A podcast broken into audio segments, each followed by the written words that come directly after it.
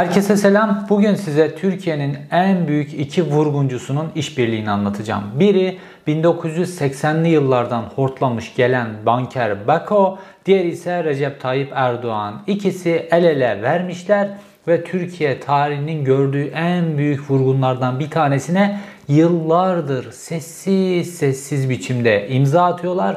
İşin içerisinde Tayyip Erdoğan'ın akrabaları var, işin içerisinde petrol şirketleri var, işin içerisinde kimya var. Olayın bir tarafı Libya'ya, bir tarafı Ermenistan'a dayanıyor, bir tarafı TÜPRAŞ'ın merkezinin içerisine oturuyor, bir tarafı da Enerji Piyasası Denetleme Kurulu'nun ortasına oturuyor dört dörtlük bir vurgunun hikayesi ve bu vurgun yapılırken Emniyet Teşkilatı, Jandarma Teşkilatı, Türkiye'nin istihbarat teşkilatları hepsi şalterlerini indiriyor ve Banker Bako ile Tayyip Erdoğan el ele Türkiye'nin iliğini sömürüyorlar. Huzurlarınızda dört dörtlük tarihi bir dolandırıcılık hikayesi.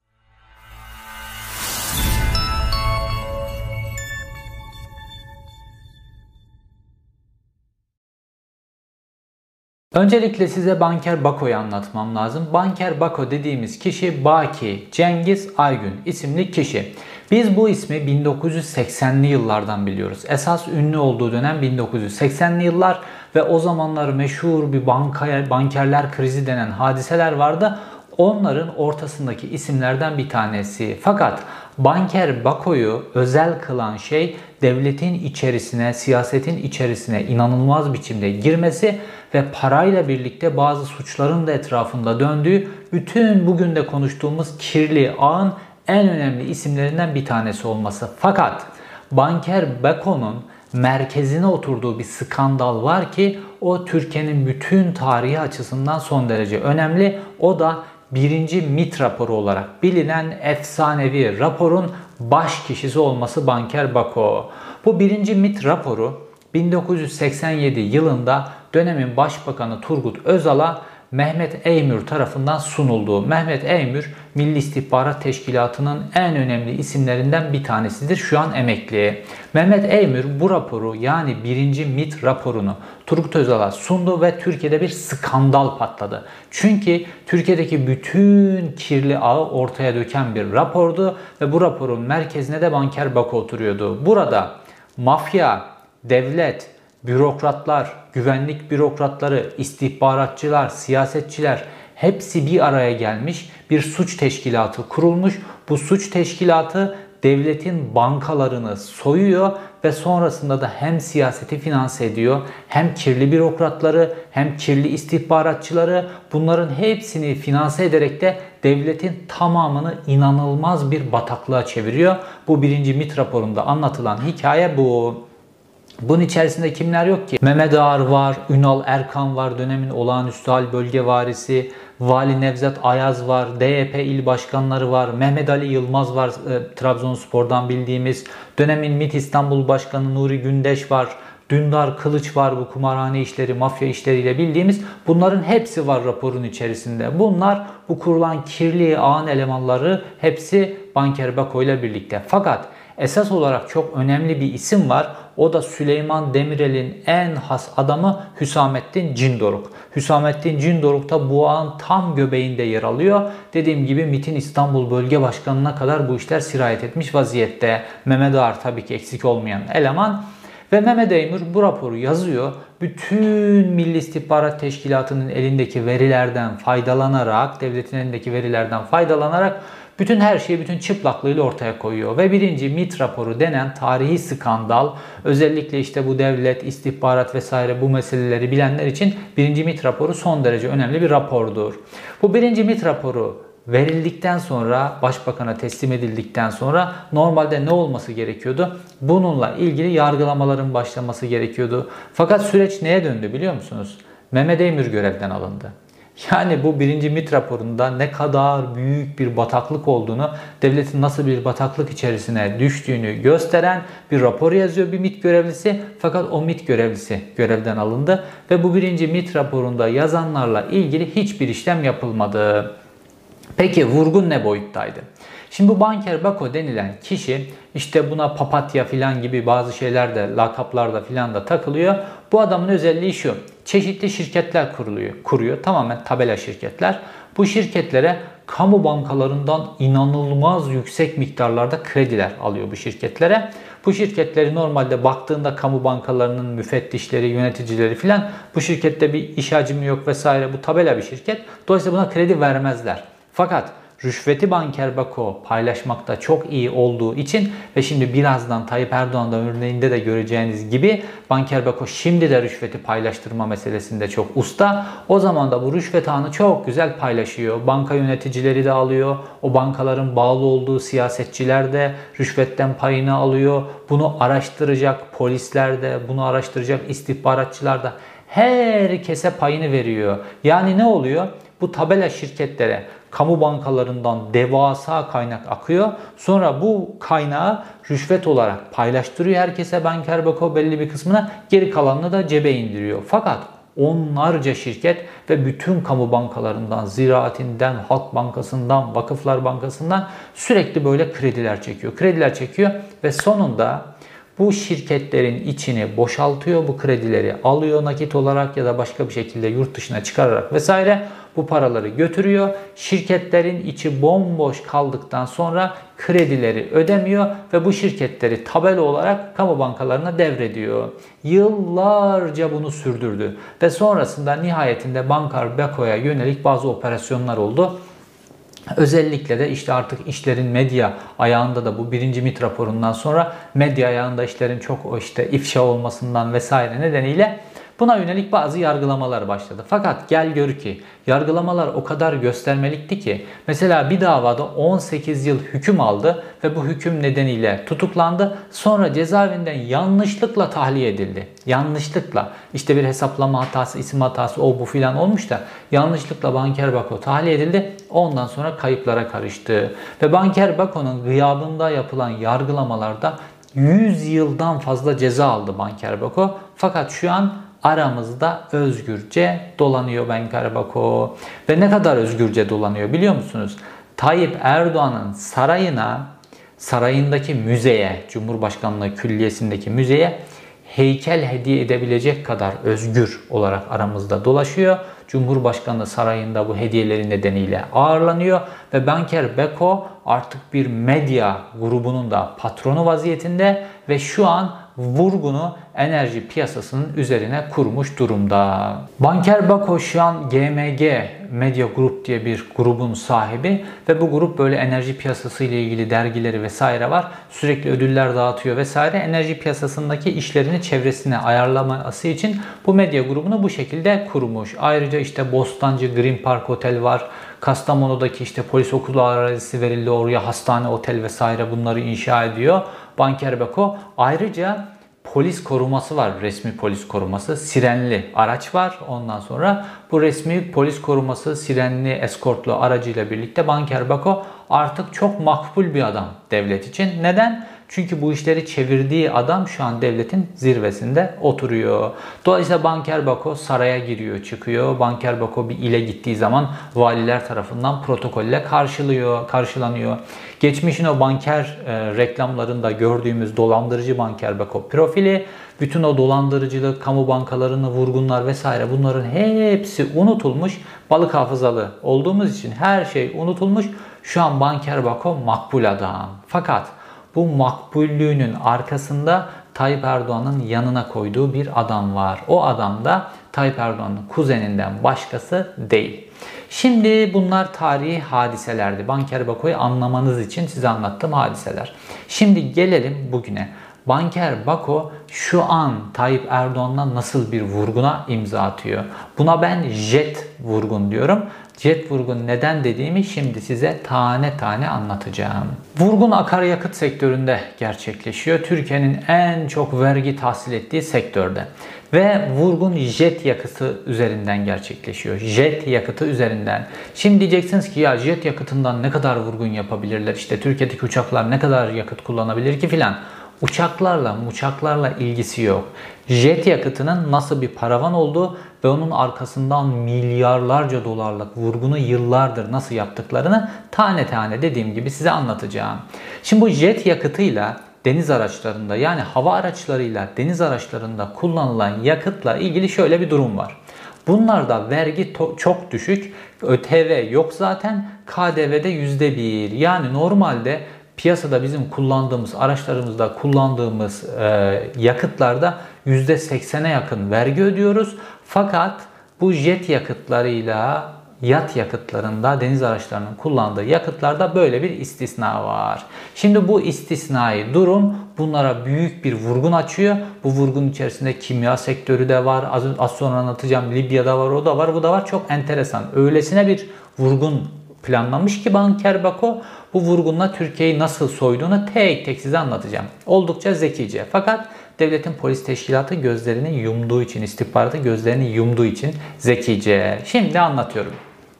Normalde e, bu jet yakıtı satabilmek için ve deniz araçlarına yakıt satabilmek için lisans almanız lazım. Ve bu lisansı almak Türkiye'de o kadar zor ki normalde herhangi bir akaryakıt dağıtım şirketi lisansı almak da çok zor. Normal otomobillere, kamyonlara yakıt satan e, dağıtım şirketlerinin lisansını almak da zor. Fakat bu deniz araçları ve hava araçlarına akaryakıt satan firmaların lisansını almak bundan bin kat daha zor ve çok sıkı şartları var. Kanun üzerinde, kağıt üzerinde çok sıkı şartları var. Bu şartlar neler? Şimdi bunları size tane tane anlatayım ki vurgunun nasıl döndüğünü anlayabilirsiniz. Şimdi normalde eğer bir akaryakıt dağıtım şirketi, jet yakıtı satmak isteyen bir akaryakıt dağıtım şirketi EPDK'ya lisans için başvuracaksa EPDK diyor ki önce diyor devlet hava meydanlarının içerisinde bir tane depon olacak. Yani havalimanlarının olduğu bölgelerde, havalimanlarının içinde devlet hava meydanlarının işlettiği o hava alanlarının içerisinde bir tane depon olacak diyor. Ya da diyor bir kişiden bu depoyu kiralayacaksın ama tek kiracı olman lazım. Yani deponun tamamı sana ait olması lazım. Ayrıca bu yakıtı, bu jet yakıtını yine devlet hava meydanları içerisinde kendisine ait deposu olan havayolu şirketlerine satabilirsin ve bu havayolu şirketlerinin de hava aracı yani uçaklarının olması şart. Bunların hepsinin belgelerini tek tek her satışta bana göstermen lazım diyor. Ve bütün bu şartları yerine getirdikten sonra gidip devlet hava meydanlarında bir depo aldıktan sonra bu depoya yakıtların getirdi, getirileceği özel araçları jet yakıtı çünkü özel bir yakıt onları ayarladıktan sonra bütün bu şartları yerine getirdikten sonra lisans için başvuruyorsun. Fakat bu lisansı almak da öylesine öyle kolay değil. İşte bu lisansın alınması noktasında devreye giren bir isim var. İşte o isim bu lisans alınabilsin diye bu lisans Enerji Piyasası Denetleme Kurulu'ndan alınıyor ve bu lisansın alınması da oldukça zor bir lisans. İşte bu noktada bu lisansı Banker Bako kurduğu pek çok paravan şirkete alabilmesi için orada şirket ortaklıklarında bir isim gözükmesi gerekiyor. O isim Murat Mutlu. Tayyip Erdoğan'ın kuzeni. Murat Mutlu ve Halil Mutlu. Bunlar Tayyip Erdoğan'ın iki tane kuzeni ve Tayyip Erdoğan bunların hepsine çok güzel vurgun yapılacak alanlar tanımış. Bunları alanlar açmışlar. Bu Murat Mutlu'nun kardeşi Halil Mutlu'yu biz çok kısa süre önce CHP lideri Kemal Kılıçdaroğlu'nun Türkiye'den Amerika Birleşik Devletleri'ndeki Türken Vakfı'na 1 milyar TL transfer edildi diye bir video çekmişti ya Kemal Kılıçdaroğlu oradan biliyoruz. İşte bu Türken Vakfı'nın başkanı Halil Mutlu. O da Tayyip Erdoğan'ın kuzeni. Bunlar kardeş. Şimdi bu Halil Mutlu ayrıca işte e, bu Türkan Vakfı'nın başkanlığının dışında Adalet ve Kalkınma Partisi'nin Washington temsilciliğini yapmıştı. Yine orada iş adamları ile ilgili bir Türkiye'nin kurduğu bir e, derneğin başkanlığını yapmıştı. Hatta bu dernek Türkiye işte bu Mavi Marmara meselesi böyle çok gündemdeyken Birleşik Arap Emirlikleri ile İsrail anlaşma arasındaki bir ticari anlaşmayı tanıyan bir imza atmıştı. O zaman bir skandal patlamıştı. İşte bazı İslamcılar Filistin davasını sattım filan diye bir kıyamet koparmışlardı. Sonra bir baktılar aa Tayyip Erdoğan'ın kuzeniymiş bu adam. Ondan sonra hemen frene bastılar. Orada Filistin davası vesaire unutuldu. Dolayısıyla bu kuzenler Mutlu Soy isimli kuzenler ünlü. Tayyip Erdoğan'la halı daya, halı e, hala dayı çocukları bunlar. Dolayısıyla Tayyip Erdoğan'ın önünü açtığı isimler. İşte Murat Mutlu da bu isimlerden bir tanesi. Normalde öyle kapasiteli filan bir adam filan değil Murat Mutlu. Fakat Murat Mutlu'nun rolü ne burada? Banker Bako devreye girebilmesi, bütün bu dümeni çevirebilmesi için Murat Mutlu'nun isminin kurulan şirketlere en azından başlangıçta kurulan şirketlerin kaydında olması lazım. Çünkü Murat Mutlu'nun ismini taşıyan bir başvuru belgesi, akaryakıt dağıtım şirketi başvuru belgesi Enerji Piyasası Denetleme Kurulu'nun önüne gittiğinde buna lisans vermemeleri mümkün değil. Dolayısıyla ne oluyor? Devlet hava meydanlarında deposu da yok, Banker Bako'nun kurduğu şirketlerin e, jet yakıtını gerçekten hava e, aracı olan firmalara da satmıyor. Ondan sonra herhangi bir devlet hava meydanlarında depoda kiralamamış. Hiçbir şey yok. Yani o lisans verilmesiyle ilgili hiçbir gereklilik yerine getirilmemiş. Fakat orada sadece Murat Mutlu'nun ismi olunca EPDK'daki herkes tırsıyor. Dolayısıyla bu lisansı veriyorlar. İşte lisansın alındığı andan itibaren Banker Bako ve onun kimyevi oyunlarının hepsi devreye giriyor. EPDK'dan lisans alındıktan sonra bu lisansı ellerine alıyorlar ve gidip TÜPRAŞ'ın kapısına dayanıyorlar. Ve diyorlar ki bize jet yakıtı vereceksin diyorlar. Sonra jet yakıtlarını alıyorlar, tankerlerine yüklüyorlar. Normalde TÜPRAŞ'tan jet yakıtı çıktığı an tamamen bir devlet hava meydanlarının içerisindeki bir alana gidip jet yakıtının o alandaki deponun içerisine boşaltılması lazım. Kanunen bu şekilde işlemesi lazım. Fakat bunlar bu jet yakıtını aldıktan sonra hiçbir havalimanına gitmiyorlar. Havalimanlarına hiç uğramıyorlar bile bu jet yakıtını aldıktan sonra doğruca kendi anlaşmalı oldukları ve bu vurgunun içerisinde yer alan 300 tane akaryakıt dağıtım noktası var. Benzinlik var. Bunların tankerleri bu benzinliklere gidiyorlar ve bu jet yakıtlarını orada boşaltıyorlar. Daha sonra bu jet yakıtlarının içerisine kimyavi bir madde katılıyor ve bu kimyevi maddeyi kurmakla ilgili de Ahmet Çeken isimli bir adamları var. Ahmet Çeken de bu işin içerisinde ve bu adamın bir e, kimya arge fabrikası var sözde ve bu ARGE fabrikasının içerisinde başka kimyevi maddelerin filan da üretildiğine ilişkin ihbar gerçekleşiyor fakat bununla ilgili de bir araştırma olmuyor. Fakat normalde bu jet yakıtları yola çıktığında yani irsaliyede jet yakıtı yazdığı anda normalde gidip başka bir herhangi bir benzinliğe boşalttığında yolda bunu polis durdurup kontrol ettiğinde ya sen havalimanına gidiyor olman lazım. Başka bir yere gidemezsin demesi lazım. Jandarma yolda çevirdiğinde böyle demesi lazım. Fakat plakalar önceden emniyete ve jandarmaya veriliyor. Bu araçlar durdurulmayacak. Organizasyonu tamamen Murat Mutluların verdiği güçle Banker Bako yapıyor. Çünkü herkesin rüşvetleri dağıtılıyor. Polisinde, jandarmanın da, EPDK'daki görevlilerinde hatta bu işe göz yuman TÜPRAŞ'taki isimlerinde falan hepsinin rüşvetleri dağıtılıyor. Dolayısıyla herkes gözünü kapatıyor. Ondan sonra bu yakıt gidiyor e, TÜPRAŞ'tan çıktıktan sonra bu 300 benzinlik noktasında indiriliyor. Ondan sonra bunların içerisine bu kendilerinin kimyevi fabrikalarında, kimya fabrikalarında ürettikleri o kimyevi madde katılıyor. Bu madde katıldıktan sonra jet yakıtı kamyonlarda, otobüslerde, kamyonetlerde, minibüslerde yani büyük motorlu araçlarda kullanılabilecek dizel nitelikli bir yakıt haline geliyor. Sudan ucuz. Neden? ÖTV yok. KDV %1 yani %80'e yakın bir maliyette ucuz bir, hale geliyor. Fakat bunu tabi bunlar yine çok yüksek bir rakamdan satıyorlar. Belli bir noktada piyasadan ucuz ama yine yüksek rakamdan satıyorlar. Ve bu KDV'yi de biliyorsunuz masraf gösterip vesaire o şekilde tahsil ediyorlar. Ve bu benzinliklerin hepsinde de yan kasalar var. Tamamen fişlerinin imha edildiği gösterilmeyen kasalar var. Bu şekilde bu yakıtı piyasanın içerisine sürüyorlar. Fakat şöyle bir problem var. Ya, kağıt üzerinde çözmeleri gereken bir problem.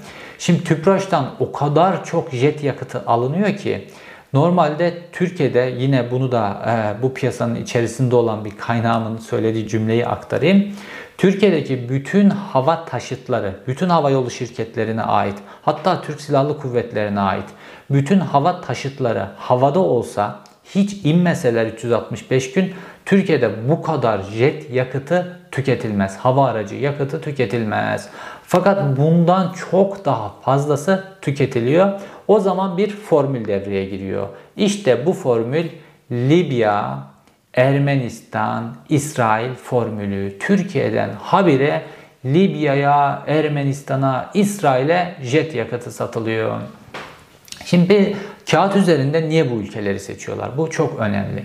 Şimdi normalde Türkiye'nin ilişkilerinin normal olduğu ve Türkiye'deki işte bu jet yakıtı bu kadar jet yakıtı niye böyle e, e, başka ülkelere ihraç ediliyor diye birisi merak etse ve bu şekilde bir araştırmaya girse, bir dürüst devlet görevlisi araştırmaya girse alacağı karşı ülkedeki firmadan alacağı yanıt bunların başını derde sokabilir. O yüzden öyle ülkeler seçmişler ki Ermenistan gibi Türkiye'nin zaten ilişkileri sıfır. Türkiye bir tane kağıt gönderse bir şeyle ilgili bilgi istese Türkiye'deki herhangi bir memur Ermenistan zaten onu gönderilmez. İlişkiler sıfırlanmış. Artı bir memur Türkiye'nin ilişkilerinin böyle gergin olduğu neredeyse savaş pozisyonunda olduğu bir ülkeye diplomatik skandal çıkar falan diye bir şey talep edip göndermez.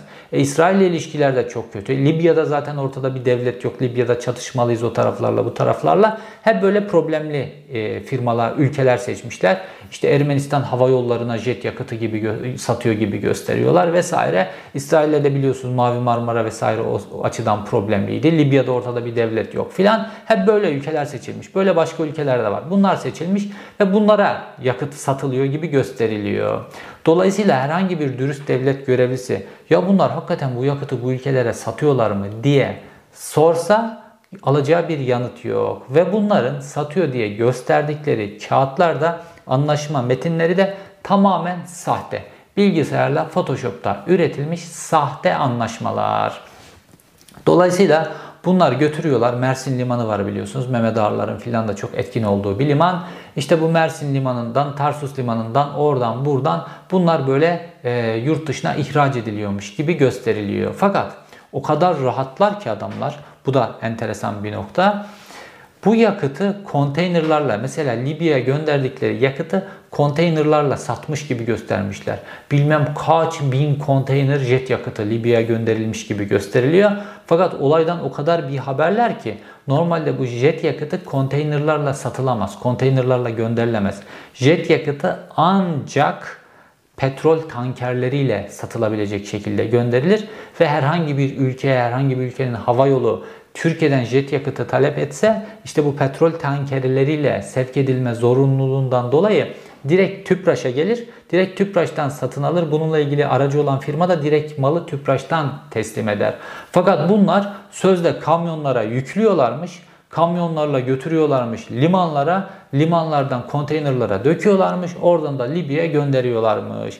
Böyle yüzlerce konteyner kaydı. Bunların hepsi fake ihraç mihraç ettikleri yok. Zaten dünyadaki fiyatlara baktığınızda da Türkiye'de de bu vergi olmadığı için dünyadaki fiyatlar da böyle aşağı yukarı aynı böyle kimsenin gelip de Türkiye'den jet yakıtı ithal edeceği falan yok yani normalde. Fakat bunlar düzeni bu şekilde kuruyorlar. Kağıt üzerinde böyle e, jet yakıtı Libya'ya oraya buraya satılmış gibi gösteriliyor. Para Türkiye'deki dövizciler var biliyorsunuz. Birkaç tane bunların büyük dövizcileri var. Dövizcilerin üzerinden gidiyor, dönüyor şekilde görülüyor. Para içeriye geliyor. Bu şekilde büyük bir vurgunu yapmış oluyorlar. Vurgun nereden oluyor? Herhangi bir dürüst kamyoncu, herhangi bir dürüst dizel araç sahibi fahiş fiyatla Türkiye'de dizel satın alırken bunlar o devletin o dizelden alacağı bütün o vergi var ya o verginin hepsini ceplerine indirip jet yakıtını dizele çevirerek bu şekilde kamyonlara, otobüslere satıp ceplerini dolduruyorlar ve bununla ilgili de Libya'dır, odur, budur bir sürü dümen yapıyorlar. Fakat polisin, jandarmanın, savcılığın, devletin istihbarat görevlilerinin bunları farkına varmaması mümkün değil. Bu tip böyle uluslararası büyük ölçekli anlaşmalar filan falan bunların hepsine bakılır. Sen bu jet yakıtını kime veriyorsun filan diye. Ve ülke Türkiye'nin böyle problemli olduğu ülkeler Ermenistan, Libya filan problemli ülkelere nasıl jet yakıtı veriyorsun filan buna bakarlar. Buna kimse bakmıyor. Niye bakmıyor biliyor musunuz? İşte Tayyip Erdoğan'ın kuzeninin imzası orada olduğu için Tayyip Erdoğan tarafından sarayda ağırlanan banker Bako işin içerisinde olduğu için Tayyip Erdoğan'ın saraydaki müzesine heykel hediye eden ve devletin polis koruma tahsis ettiği, devletin polis korumasıyla gezen bir dolandırıcı olduğu için kimse bunlara dokunmuyor. Fakat Adım adım belgeli gidelim. Bunların şirketleri var. Şimdi bu şirketlerin isimlerini buradan ifşa edeceğim ki eğer yargıda hala böyle bir tane dürüst savcı varsa, korkmayan bir savcı varsa devreye girsin de bunlarla ilgili bir soruşturma açsın diye. İsim isim bu şirketleri açıklayacağım şimdi. Şimdi bunların Ataşehir'de dediğim gibi bir tane kimya şirketleri var. Bu Ahmet Çeken denen şahsın üzerine bu ilaç Arge firması gibi gözüküyor. Savcılar önce gidip bu ilaç Arge firmasına, Ahmet Çeken'in firmasına bakması lazım. Burada nasıl kimyalar üretiliyor? Buna bakmaları lazım. Ondan sonra akaryakıt şirketleri var. Bu akaryakıt şirketlerinden bir numaralı konuşacağımız şirket RAM akaryakıt şirketi. Bu akaryakıt şirketinin kuruluşunda %42 hissesi doğrudan Tayyip Erdoğan'ın kuzeni Murat Mutlu'ya ait gözüküyor. Sonrasında zaman içerisinde bu firmanın ismi sürekli olarak değişiyor. Ram Akaryakıt önce oluyor, LT Oil firması oluyor. Ondan sonra ismi bir daha değişiyor. Turkish Petroleum oluyor. İşte bununla ilgili ticaret sicil gazetelerini ekranlarınızda görüyorsunuz. Bu ticaret sicil gazetesinde gördüğünüz gibi ismi böyle yıllar içerisinde sürekli değişiyor. Çünkü bir noktadan sonra artık olaylar böyle taşınamaz boyuta geliyor, isim değiştiriyorlar. Taşınamaz boyuta geliyor, isim değiştiriyor. Ve bu bütün isim değiştirmelerinde bir süre sonra başlangıçta bu lisansı almak için Murat Mutlu'nun vesaire ismini kullanıyorlar. Ondan sonra çeşitli gariban adamlar buluyorlar. Bu gariban adamların üzerine bu şirketleri gösteriyorlar ve bu gariban adamların üzerinden bütün bu vurgunu yapıyorlar. Bu insanlar da işte bunlar şirkete imza atıyor vesaire maaşını alıyor. Adam buna mecbur çünkü. Fakat en sonunda şirketi bunların boyunlarına herhangi bir şekilde olay patladığında şirket bunların boyunlarına kalacak. Ve bu RAM petrolün patlamasındaki hadise de yine bir ihbar nedeniyle oluyor. Bolu'daki bir akaryakıt noktası, akaryakıt istasyonuna, benzin istasyonuna jet yakıtı boşaltılıyor. Bu sırada bir ihbar geliyor ve bu ihbar üzerine jandarma gidiyor. Jandarma o, oradaki irsaliyeden filan jet yakıtını taşıdığını, tüpraştan jet yakıtı aldığını görüyor ve işte bununla ilgili tutanak işlem başlatılıyor. Fakat öyle bir çöküyorlar ki hemen Banker Bakosu, Murat Mutlusu vesaire jandarma petrol tankerini de geri veriyor, tutanakları da ortadan kaldırıyor vesaire. Olayı bu şekilde kapatıyorlar. Fakat bu ram petrol üzerinden kendilerine çok güvendikleri için pek çok naylon fatura kestikleri için başka bir biçimde Maliye Bakanlığı üzerinden naylon fatura üzerinden bir mevzu geliyor. Yine bilmeden bu olayın içerisinde çünkü artık firmayı başkasının üzerine geçirmişler. Murat Mutlu'nun ismi orada gözükmüyor. Bilmedikleri için olay çok patlama boyutuna gelince biraz yanlışlıkla bu sefer Ram Petrol'ün ismi sürekli olarak değişiyor. Sürekli olarak değişiyor. LT Oil oluyor. E, Turkish Petroleum oluyor. Sürekli isimler değişiyor. Fakat jet yakıtlarını sürekli satın almaya, satın almaya bunlar devam ediyor. Tabi sadece bu firmalar değil. Bunlardan bir tanesi de Czech Oil. Bunlardan bir tanesi ve Blue Shah Petrol. Bunlar da tamamen bunların kontrolündeki firmalar. Şimdi bir de başka bir boyutu var. Bu firmalar üzerinden bu saydığım firmaların isimlerini tek tek sayıyorum yine savcılar için. Ram Petrol, LT Oil, Turkish Petroleum, Czech Oil, ve Blue Shah Petrol. Bunların hepsini Banker Bako, Tayyip Erdoğan'ın kuzeni vesaire bunlar bu şekilde jet yakıtları üzerinden inanılmaz büyük bir vergi vurgunu yapıyorlar. Fakat bir de mantar gibi türeyen havayolu şirketleri var. Hatırlıyor musunuz? Ta geçmişte cumhurbaşkanlarının, başbakanlarının kullandığı bir ata uçağı vardı. Ve bu ata uçağı Brezilya'da e, uyuşturucu taşırken yakalanmıştı ve sonrasında Affan Holding diye bir e, şirket gündeme gelmişti. Bunun da patronu Şehmuz Özkan idi ve hep şu tartışıldı. İşte geçmişte Cumhurbaşkanının kullandığı bir uçak ondan sonra böyle bir adama nasıl satılır? Bu adam işte e, uyuşturucu taşırken yakalanıyor filan diye bu böyle tartışıldı. Fakat bu tip bu böyle adamlar niye bunlar ya ne oldu da böyle bir anda havacılık işine falan girdiler? İnsan merak ediyor hakikaten. İşte bu tip adamlar böyle Türkiye'de bir anda mantar gibi havayolu şirketleri türedi. Ve bu havayolu şirketleri fake uçuşlar gösteriliyorlar o bu filan böyle kimse takip etmiyor. Bu havayolu şirketleri böyle sürekli olarak çok akaryakıt almış filan gibi gösteriyorlar ve bu akaryakıtı kullanmış gibi gösteriyorlar. Fakat aslında o akaryakıt tüpraştan çıktıktan sonra o hava yolu şirketlerine işte bu saydığım Bankar Bako'nun kurduğu şirketler tarafından lisansı olan dağıtım şirketleri tarafından hiçbir zaman teslim edilmiyor. Kağıt üzerinde teslim edilmiş gibi gözükse de bunlar götürülüp Türkiye'nin çeşitli illerindeki 300 tane akaryakıt noktasında indiriliyor. İçine bir kimyasal katılarak piyasaya sürülüyor. Dolayısıyla akaryakıt şirket şirketleri üzerinden jet yakıtı satan şirketler üzerinden Türkiye'nin en karanlık dolandırıcılarından bir tanesi. Birinci MIT raporuna konu olan Banker Bako ile Baki Cengiz Aygün ile Tayyip Erdoğan birlikte çalışıyorlar. Yani geçmişten hortlayan vurguncular bile bu devirde artık polis korumasıyla gezen sarayda ağırlanan vurgunculara dönüşmüş durumda. İşbirliği yapmadıkları kimse yok. Doğu Perinçek'le işbirliği yaptılar. Mehmet Ağarlar'la işbirliği yaptılar. Türkiye'nin ne kadar kirli kesimi varsa bunların hepsiyle bu Erdoğan rejimi işbirliği yaptı. Bir banker Bako kalmıştı. Yani bizim o böyle siyah beyaz reklamlardan gördüğümüz banker vurgunları var ya onların hayatta kalan işte banker Castelli vardı, o vardı, bu vardı bir sürü böyle bankerler. Onların hayatta kalan son üyelerinden bir tanesini de bulmuşlar. İşbirliği yapmadıkları kirli adam bir o kalmış gibi 2015 yılından beri bu şekilde tam 7 yıldır bu şekilde vurgun yapıyor. Milyarlarca dolarlık bir vurguna var, var, varmış durumda bu hadisenin büyüklüğü ve bunlarla işte biliyorsunuz Suriye'den getirilen işit petrolleridir, odur budur bunların hepsinde birlikte çalışıyorlar. Fakat bu da yetmiyor. Şimdi bu akaryakıt piyasasındaki vurgun o kadar büyük ki. Neden? Çünkü devlet oradan çok yüksek vergi alıyor. Bu yüksek vergi aldığı için bunlar artık bu vergileri kendileri ta, e, tahsil ediyormuş gibi işin içerisine girmeleri lazım. Nasılsa Türkiye'ye kaçak akaryakıtı da istedikleri gibi sokuyorlar. Sadece bu jet yakıt üzerinden çevrilen vurgun değil. Şu an limanlar onlar bunlar hepsi böyle bunların kendilerinin kontrolünde olduğu için iki tane köylü böyle gidip de Irak'tan katır sırtında birazcık akaryakıt getirse köylüleri öldürürler orada jandarması vesaire. Çok büyük suç işlemiş gibi filan. Ama şu an Türkiye'ye kaçak yakıt nasıl geliyor biliyor musunuz? Şu an Türkiye'ye kaçak yakıt tankerlerle geliyor, gemilerle geliyor ve bunlar işte Samsun limanında başka limanlarda gemilerden açık denizden limanın o tarafa e, gelecek şekilde yer altından boru döşemişler.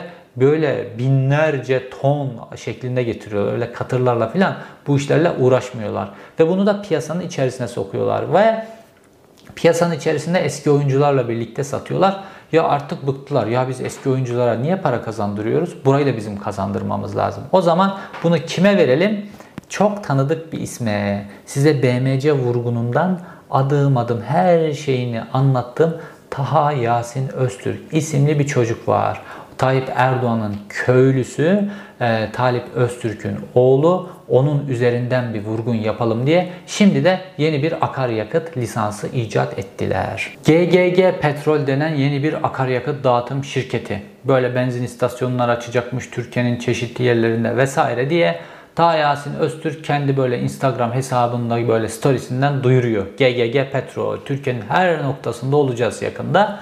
Şimdi biz bunun babasını Talip Öztürk'ü nereden biliyoruz? Sedat Peker videolarında şöyle bir şey anlatmıştı. Demişti ki Talip Öztürk'ten izinsiz Talip Öztürk'ün onayı olmadan Suriye meselesindeki petrol işlerinden kimse pay alamaz o işi ona vermişler demişlerdi. İşte bu Talip Öztürk, Tayyip Erdoğan'ın köylüsü olan Talip Öztürk. Tayasin Öztürk de onun oğlu. BMC'yi birlikte soyup soğana çevirdiler. Nasıl soyup soğana çevirdiklerini anlattım size. Ondan sonra BMC'yi bırakıp gittiler. BMC tam takır kuru bakır kalmış vaziyette. Gittikten sonra şimdi de gözlerini diktiler Türkiye'nin petrol piyasasından aldığı vergiye, devletin aldığı vergiye. Şimdi bu şekilde yurt dışından ülkeye petrol sokarak o vergiyi kendi ceplerine indiriyorlar. Petrol kaçak olarak geldiği için normal vergilendirilmiş petrol gibi satacaklar bu petrol dağıtım şirketlerinde. Ayrıca bu jet yakıtı, met yakıtı bütün işleri bunları da kendi yerlerimizden yapalım. İşte ucuz mazot şu bu filan işlerini kendi yerlerimizden yapalım. Nasıl olsa GGG petrole hiçbir polis görevlisi, hiçbir jandarma görevlisi, hiçbir Maliye Bakanlığı görevlisi, hiçbir EPDK görevlisi gidip inceleme yapamaz onun tesislerinden. Neden? Arkasında Tayyip Erdoğan olduğu için hiçbirisi gidip inceleme yapamaz. Orada kaçak mazot da satarlar, orada jet yakıtı da satarlar, her şeyi satarlar. İşi iyice sağlama alıyorlar. Bu şekilde dümenlerini iyice kuruyorlar. Nasıl olsa kendilerine akıl veren artık böyle banker Bako gibi böyle MIT raporlarına girebilecek kadar böyle büyük bir dolandırıcı var. Artık işleri öyle yüksek seviyelere götürüyorlar ki vurgun işlerinde kendi akılları yetmiyor. Böyle geçmişin tecrübeli dolandırıcılarını da işin içerisine katıyorlar ki ortak akılla daha büyük vurgunlar yapabilelim diye. İşte ben de bunların izini sürüyorum. Bunların hepsini ifşa ediyorum.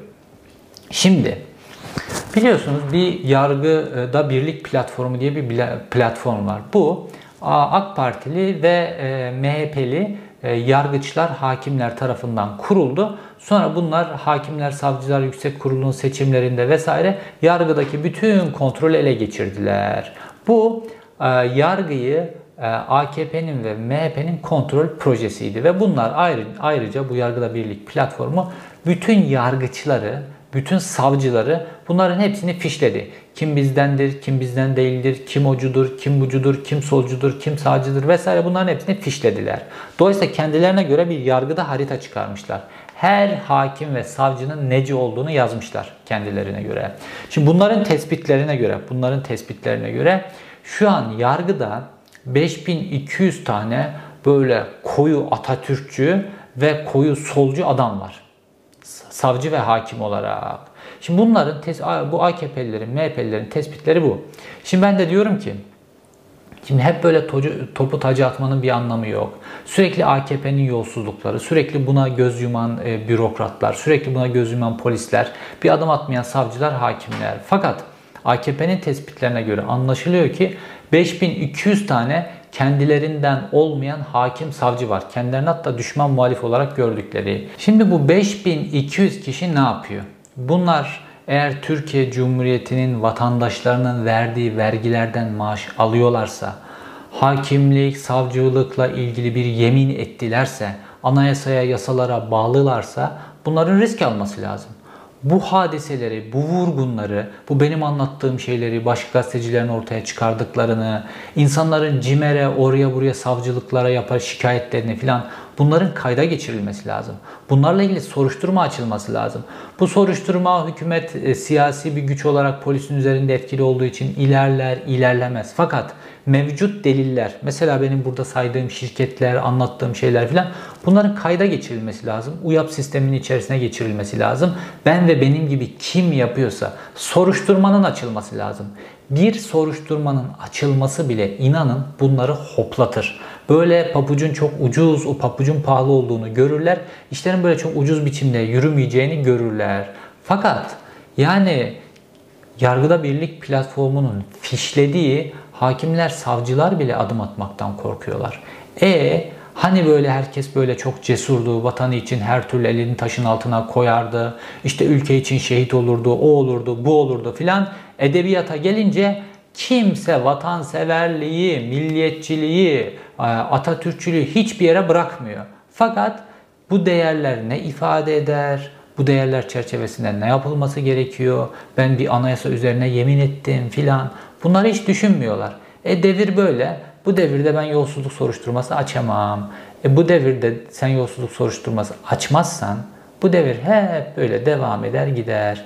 Ancak herkes görevini yaparsa bu devir değişir. Gazeteci görevini yaparsa, savcı görevini yaparsa, polis görevini yaparsa ve kimin elinde ne yetki varsa o yetkiyle diğer devlet görevlerinde görevini yapmaya zorlar ve cesaretlendirirse o zaman güzel günlere doğru gideriz. Ben de bugün bu videoda görünmeyen bir vurgunu, kimsenin aklına gelmeyen bir vurgunu banker Bako ile Tayyip Erdoğan'ın işbirliğini gözler önüne serdim. İzlediğiniz için teşekkür ederim. Bir sonraki videoda görüşmek üzere.